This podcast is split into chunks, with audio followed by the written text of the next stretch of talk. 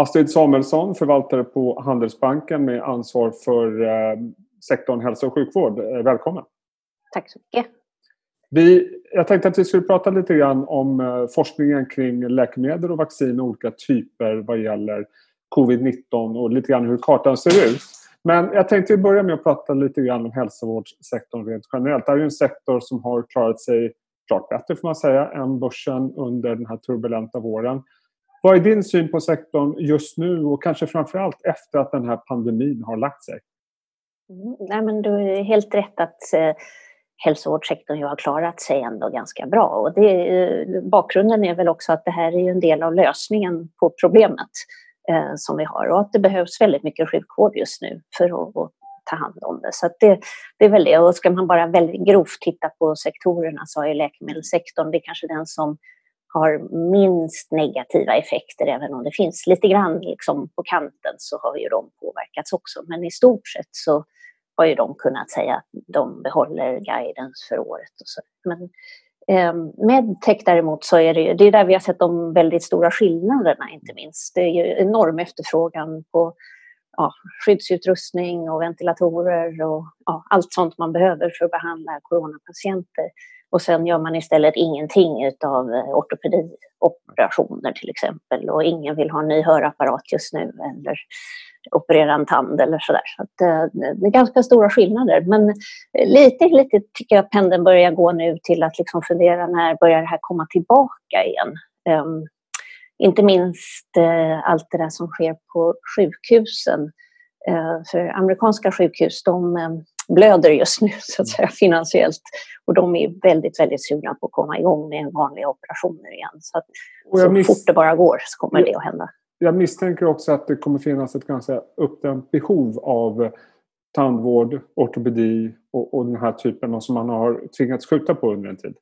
Mm. Nej men det stämmer, någon gång ska ju det där göras och då, då tror jag kanske att just det där som sker på sjukhus kommer väl komma igång lite snabbare. Eh, lite trögare tror jag på hörapparater och den typen av produkter. För det, våra äldre håller sig fortfarande hemma så gott det går, eller hur? Och sen har vi kanske lite sämre ekonomi framöver som också gör det svårare. Um, så att uh, där tror jag lite mer fördröjning där uh, och lite snabbare kanske på en del andra områden. Mm. Jag tänkte att vi skulle titta lite grann på det här med forskningen kring en, eh, ett läkemedel eller vaccin för covid-19. Och eh, det är väldigt mycket fokus på vaccin och det har varit senaste tiden väldigt mycket fokus på Gilead. Jag tänkte att om du får hjälpa oss att eh, måla upp den här kartan av olika behandlingsmetoder. Och du har fyra bilder med dig och jag börjar med en bild som visar på ja, helt enkelt olika läkemedel och vaccin mot covid-19 som är formad som en cirkel. Berätta lite grann vad vi ser i den. Mm. Nej, men det är så att säga all, allting, eh, alla olika områden som händer och man kan säga tillbaks till just att bolag, det är så otroligt många bolag nu som har startat projekt inom det här. Det är ju rapportsäsong så nu kan de liksom rapportera vad, vad de gör och, och det, man, man blir ändå imponerad hur, hur mycket kraft och energi de lägger ner på det här trots att nog ganska få kommer tjäna väldigt mycket pengar på det i slutändan. Ehm, men ehm, om man börjar i ena hörnet så, ehm, vi har ju nämnt Gilead, då handlar det om läkemedel för att liksom gå på själva viruset så att säga. Så att få det att eh, inte replikera, att inte föröka sig och att på det sättet eh, eh, behandla patienterna. Så det är det första.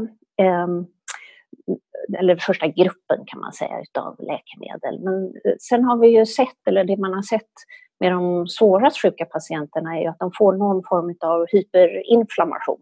Mm. Ehm, så det är väldigt många projekt eh, som eh, så att säga, riktar in sig på det området. Så att, eh, och där finns det ju på marknaden idag en ganska stor mängd, eller uppsjö till och med, utav läkemedel som är antiinflammatoriska eller mot autoimmuna sjukdomar och det är de man testar där. Och det finns lite olika varianter. På den här bilden så talas det om IL-6, det är väl de som kanske har kommit längst. Vi har Roche där till exempel. Um, och sen finns det en hel del annat uh, också. Um, sen har vi det här med blodplasma och antikroppar, det är också ett ganska intressant område. Uh, och det är lite så här, går lite grann emellan behandling och vaccin kan man säga. Och sen till slut så är det vaccin för att, så att säga, förhindra att man blir, får infektionen. Nu diskuteras det väldigt mycket hur långt fram ett vaccin eh, eh, finns. En del säger att det kanske redan kommer i år och en del pratar om ett år, två år och så vidare. Eh, med, med tanke på alla de här läkemedelskandidaterna som finns inom andra områden, kan det bli så att när väl vaccinet kommer, då har vi en sån bra arsenal av läkemedel och så vidare, att det kanske blir lite obsolet när det väl kommer? Ja, man önskar det, men jag tror ändå att eh, det kommer finnas aptit för ett vaccin, för ingen vill, ingen vill ju vara så att säga, utsatt för att få den här väldigt svåra formen som verkar slå ja, framförallt hos äldre men ändå av och till hos yngre personer också. Så jag, jag tror att de allra flesta kommer vilja vaccinera sig den dagen. Och vi har ju också haft en ganska stor diskussion nu. Vad utgör egentligen en skyddande immunitet? Är det, räcker det ens att ha varit, eh, haft infektion om man har haft en lättare infektion? Så att, eh, jag tror absolut att eh, vi alla kommer att vara väldigt sugna på att använda ett vaccin när det mm. kommer. Eh, nästa bild visar att det, det pågår, då, som du var inne på, ett hundratals olika studier. Och här är det delat, uppdelat i tre kategorier med, dessutom med olika företagsnamn kopplade till. Den första är då antivirala där vi har pratat väldigt mycket tidigare om Gilead. Vad kan du säga om de här tre områdena och hur långt fram det ligger i ja, eh, nej men precis, Gilead, där kom det ju nyheter förra veckan till och med. Vi har ju väntat och väntat på att vi ska få data. Det har ju släppts en del data från mindre kinesiska studier, det har läckt en del data från USA, men allting har varit ganska ofullständigt. Men det var förra veckan som eh, det ändå kom resultat från en så att säga, väl genomförd studie på Gileads läkemedel som var positiv också. Så att äntligen så är det ju någonting som fungerar som det verkar.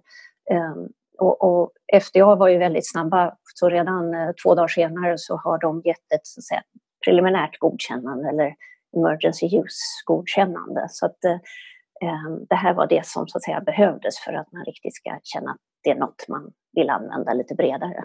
Vad kan man vänta sig av den här uh, Gileads produkt? Är, är det för att den, för om jag förstod rätt så riktar den in sig på de absolut mest sjuka patienterna, stämmer det? Absolut, så det här är kanske inte det är, det är nog inte lösningen på hela vårt problem, Nej. så att säga. Eh, men jag tror att det är väldigt värdefullt att sjukvården känner att det finns någonting man kan göra för att behandla själva sjukdomen i sig och inte bara ge liksom, den här supportive care eller symptomatisk behandling. Ehm, däremot, dilemmat är ju att eh, det finns inte hur mycket som helst av det här läkemedlet. Jag tror Gilead har pratat om att de har så det räcker till 140 000 patienter eh, just nu och det räcker ju inte på långa vägar. Ehm, än så länge är det bara USA som har godkänt eh, och där kommer amerikanska myndigheter att hålla hårt på det här. Det är de som avgör vem som ska få det. Att det är nog USA först och sen får resten av världen får nog vänta, tyvärr. Jag ser att under antiinflammatoriska, som vi pratade om det tidigare, så har du faktiskt med eh, två svenska bolag, Astra och Sobi. Vad, kan du säga om deras forskning? Ja, men eh, på, som jag nämnde tidigare så är annars Roche mm. den som har fått så att säga, mest uppmärksamhet kanske. Ehm, men eh, Sobi har läkemedel som fungerar lite, lite liknande och de blev ombedda att göra studier eh, med de preparaten och det är på gång vad jag förstår. Jag har inte detaljerna exakt hur de ligger till, men jag tror att de är på väg att starta. Och det här är ju godkända läkemedel så att man kan hoppas att säga direkt in i, i så att säga, patienter och, och göra kontrollerade studier. Så det borde ju komma resultat inom några månader kan man väl gissa om, om saker rullar på. Så att många av de här läkemedlen på den här sidan eh, är typiska läkemedel som vi kanske kan förvänta oss få ingå i behandlingspaletten redan under 2020? Ja, men det skulle jag tro. Vi mm. kommer ju veta väldigt mycket mer om ja, några månader eh, och, och sen kommer det trilla in mer och mer sådana resultat. Och där är det samma sak även om Roche. De kommer att göra allt vad de kan för att tillverka mer av sitt läkemedel men även det kanske inte räcker till alla och då, eh, då kan ju ett sånt eh, ja, preparat från just Tobii hjälpa till eller det här från AstraZeneca eh, fördelen med det här AstraZeneca-preparatet är annars använt för en form av leukemi faktiskt. Men det är en tablett så det är också både, tror jag, lite lättare att tillverka och lättare att ge om det skulle funka. Eh, nästa bild visar just på vaccinet, det som hela världen hoppas på just nu. Det finns ju flera hundra olika forskningsprojekt. Om vi börjar med frågan, är det realistiskt att förvänta sig att det finns ett vaccin redan i år? Vilket några har eh, faktiskt indikerat att det är möjligt. Ehm, ja, det vore extremt snabbt om det blev så. Ehm, en del har ju pratat om hösten. Jag skulle bli otroligt förvånad om det blev så. Ehm, men till och med stora bolag som eh, Johnson Johnson och Sanofi pratar ändå om årsskiftet eller i början på nästa år. Och, de har ju en ganska hög trovärdighet ändå som är liksom båda två stora vaccinbolag och ja. har både resurser och, och så tillverk, inte minst det här med tillverkning är en viktig liksom, puck vad gäller vacciner. Det är ofta liksom en eh, tröskel att kunna tillverka stora mängder. Men, men både Johnson Johnson och Sanofi pratar om eh, stora mängder. Och, och om man, man tittar lite framåt mot slutet 2021 tror jag båda pratar om Eh, liksom, mängder i, i miljardvolymer. Vilket skulle att, behövas i slutändan? Det är ju det som ja. behövs. Vi vill ju ha det till alla. Så att, eh, men eh, det är ju så de tänker också. Mm. Men om man tittar då på den här grafen som visar hur många Eh, projekt eh, det finns. Det är, olika klasser här. Vad kan man säga om dem? Ja, men absolut. Eh, och där är det ju en del jobbar ju med de här lite mer beprövade vaccinplattformarna så att säga. Det gör ju både Jane Ray och Sanofi till exempel.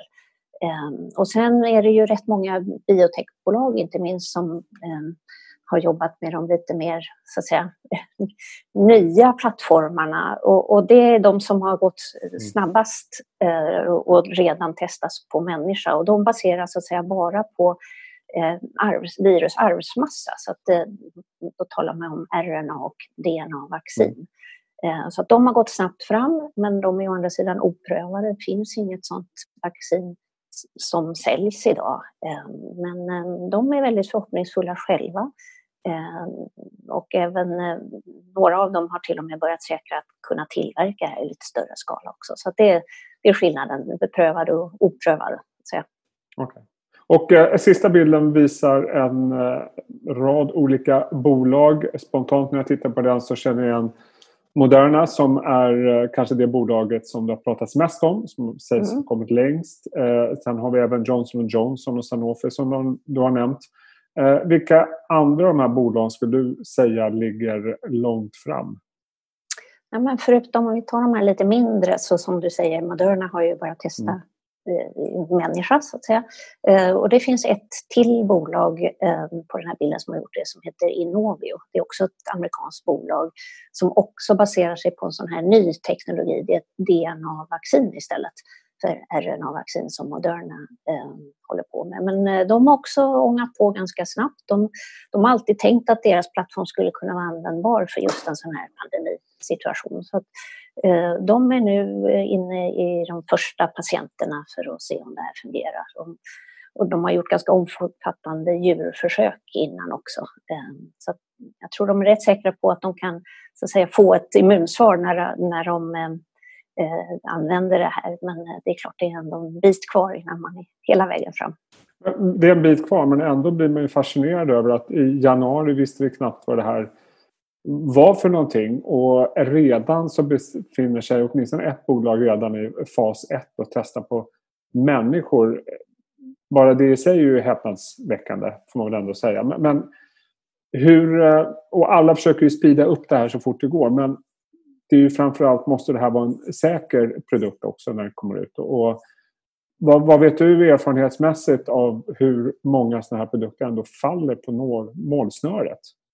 För det måste ändå finnas en betydande risk. Uh, ja, det är framförallt de här oprövade. Jag tror kanske inte risken är så hemskt stor i de här första skedet. Det kommer nog att... Liksom de, det är svårt att tänka sig att det skulle kunna vara liksom några ja, uppenbara säkerhetsproblem och de är ju testade på patienter för andra indikationer. Så det, det är inte första gången de försöker ta fram ett vaccin även om de inte har tagit det hela vägen. Så Moderna har, har testat sitt, eh, sin plattform kan man säga på tusentals eh, individer. Så att det är inte, de är inte helt ute så att säga, på, på tunn is. Eh, men det, det, finns ju alltid en osäkerhet och, och normalt sett så, Ehm, så är det en ganska lång väg att utveckla ett vaccin just för att man vill testa det på väldigt, väldigt många människor. Men apropå det här med hur snabba de var eh, så, är det rätt intressant. De, de här just Moderna och Inovio, de var ju otroligt snabba. Eh, det har jag hört från, från bägge två. Inovio till exempel från att eh, man kände till sekvensen för det här viruset så hade de sitt så att säga, template för ett vaccin tog de tre timmar att ta fram det. Mm. Så att eh, de, det var nog rekord skulle jag säga. Och resurser finns uppenbarligen, både privata pengar och offentliga pengar. Det här känns väl finns väl ingen motsvarighet i historien där det har lagt så mycket resurser och investeringar i att få fram ett vaccin, misstänker jag, eller hur? Nej, nej, men det stämmer och där är det ju både alltså, bolag som Johnson Johnson och, Sanofi lägger stora resurser, men även amerikanska myndigheter. De har ju en, en myndighet som heter BARDA som jag tror har lagt närmare en miljard dollar för att utveckla vaccin. Så att, eh, ja, absolut. Mycket pengar. Intressant. Vi får eh, hoppas att eh, vi snart har både bra läkemedel och vaccin för att bekämpa den här eh, pandemin. Astrid Samuelsson, eh, tusen tack för att du tog dig tid och eh, sköt om dig. Tack så mycket.